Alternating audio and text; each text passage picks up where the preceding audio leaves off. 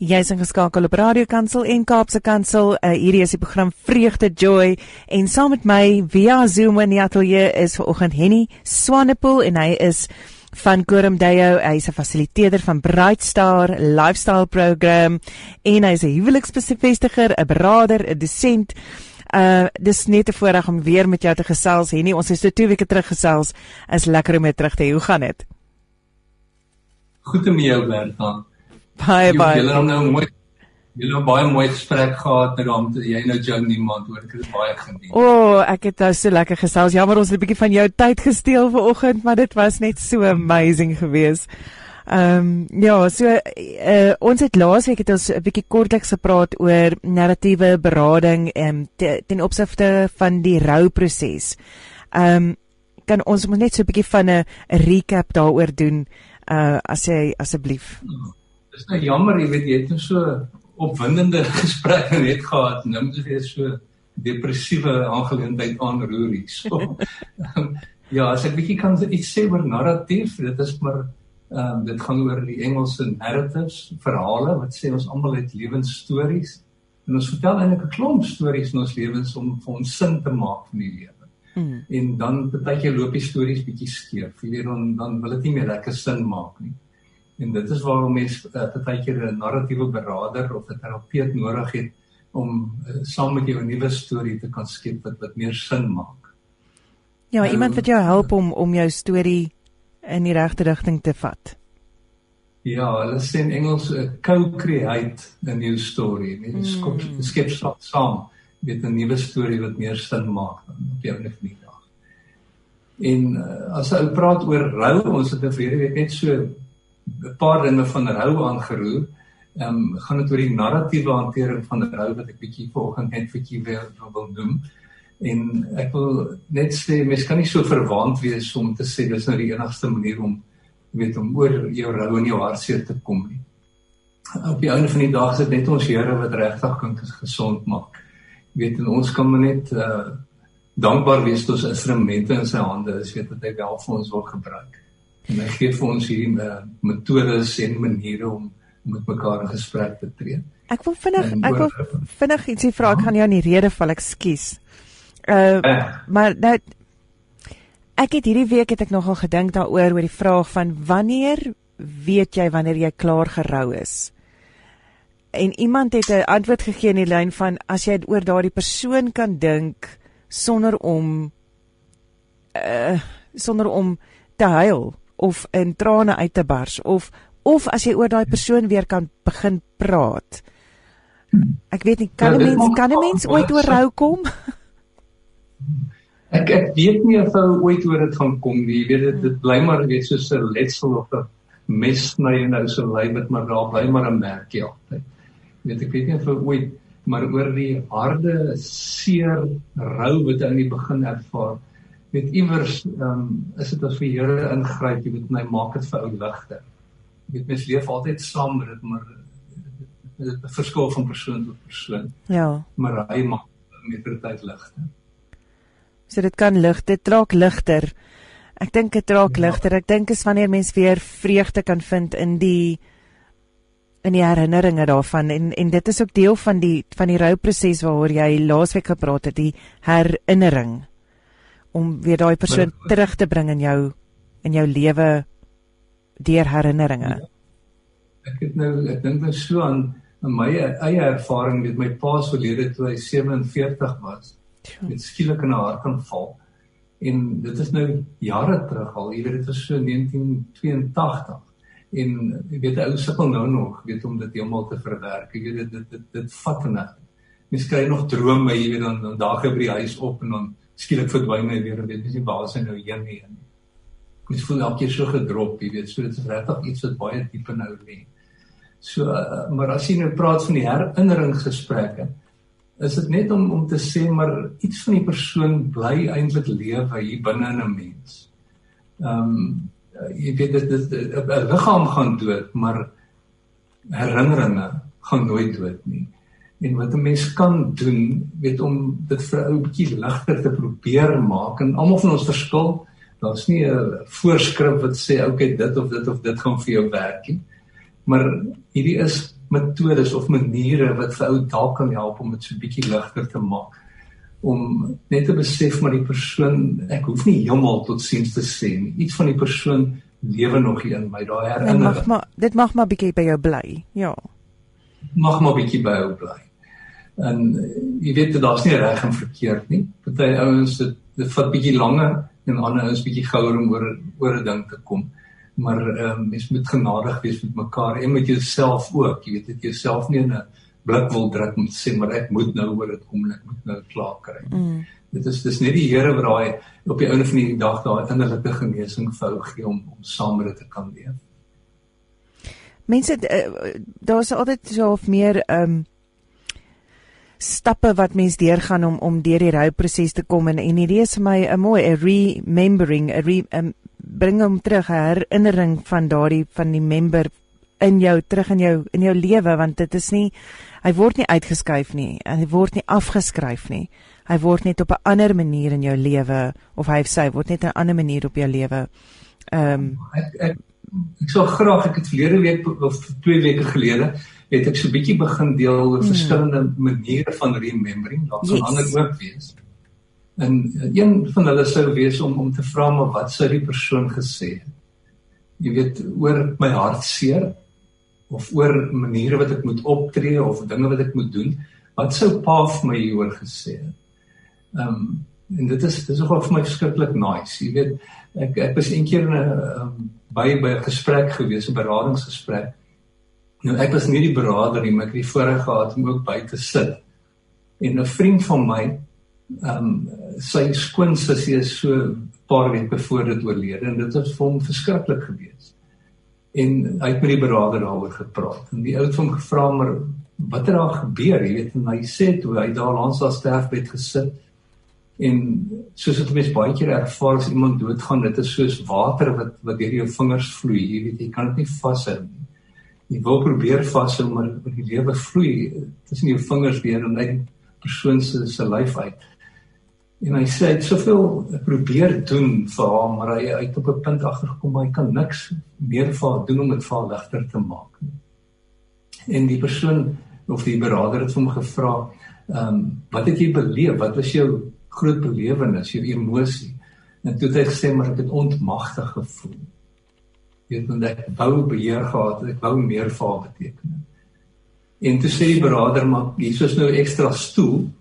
Kom ons verbeel ons nou sy kom sit in hierdie stoel op hierdie oom en ons tree met haar in gesprek. Wat sou sy vir jou gesê het oor ontmagtig? Die gevoel van ontmagtig. En die vriend van my kom ons noem hom sommer Jannie vanoggend. Ehm um, en Jannie sê ehm um, sy sê vir my gesê het Jannie Ek het dit so waardeer dat jy daar was vir my. Ek weet jy wou meer gedoen het. En as jy meer kon doen, sou jy dit gedoen het, maar net die feit dat jy daar was, het vir my so verskriklik baie beteken. En dit is waarvoor ek vir jou wil dankie sê.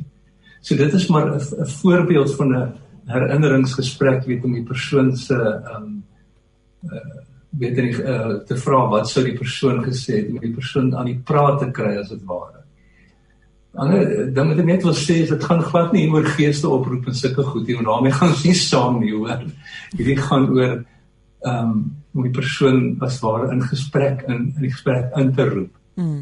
Om te remember om te weet iets van die persoon lewe nog hier binne in my.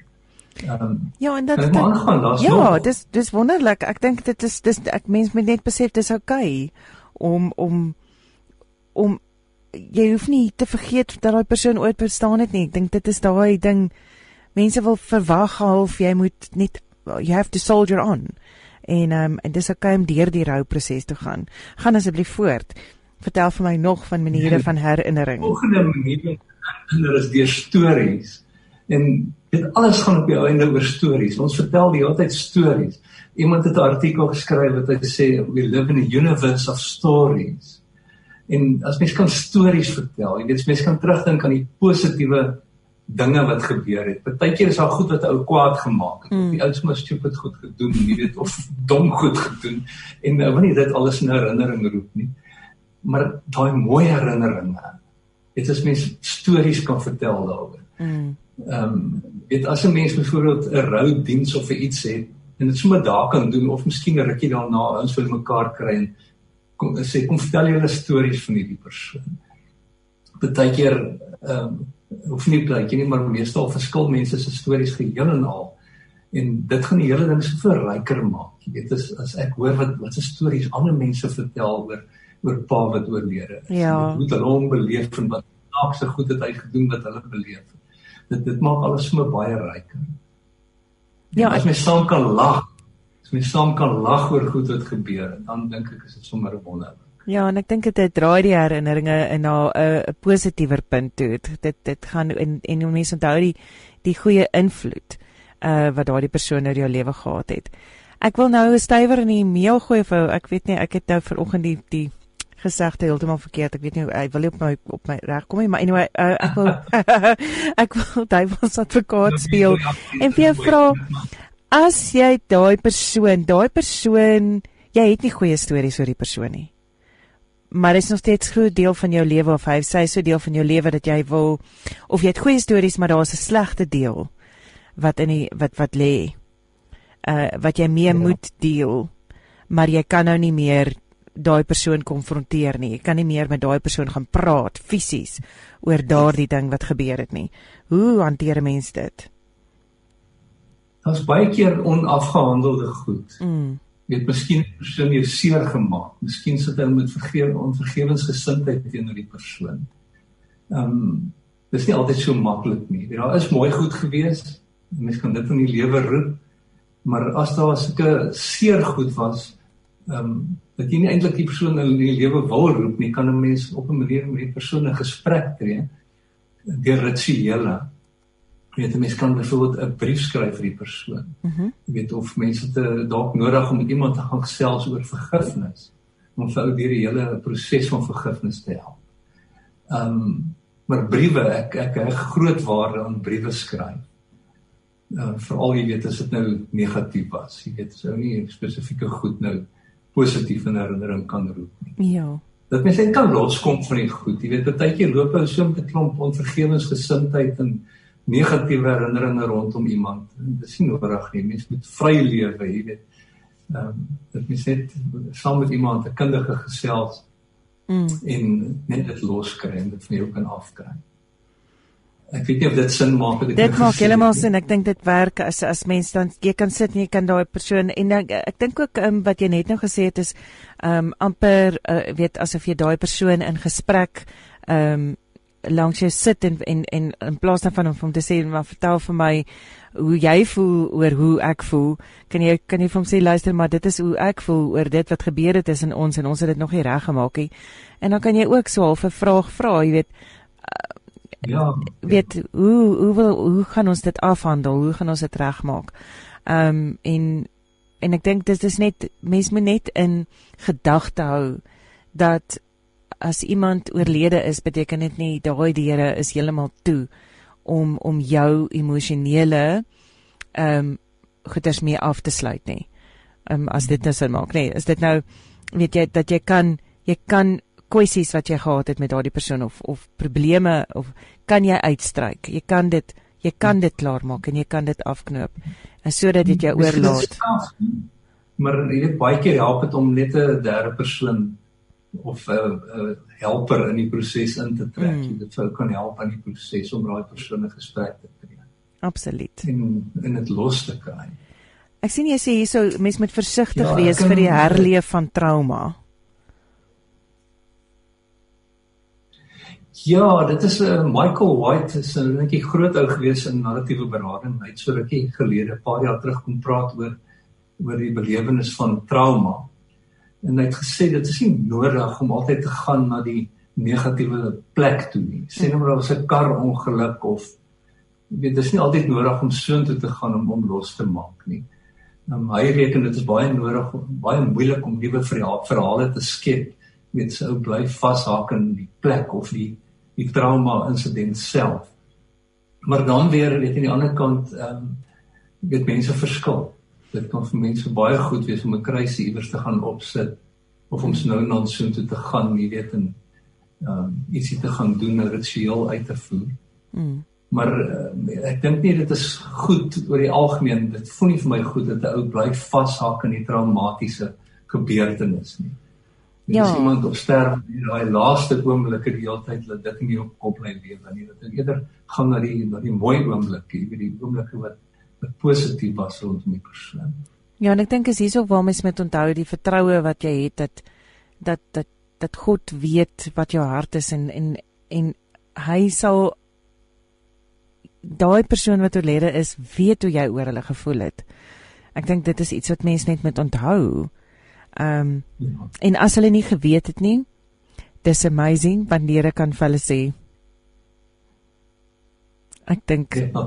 die Here kan vir hulle sê ja. hy hy kan hy hy hy, hy ek dink oomblik as hulle as hulle oorlede is, besef hulle net die liefde wat hulle ervaar het in die in die in die wêreld. So so ek wil vir jou vra, is daar is daar in die Bybel voorbeelde van sulke so herinnering gesprekke wat wat gebeur het?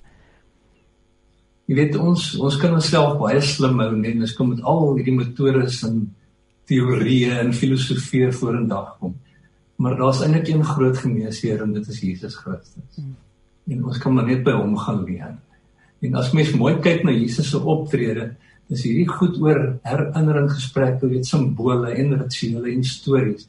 Dis goed wat hy geken het en dis goed wat hy gegee het en vir sy disippels gegee het en ook vir ons gegee het, weet dat ons vir hom in herinnering kan roep.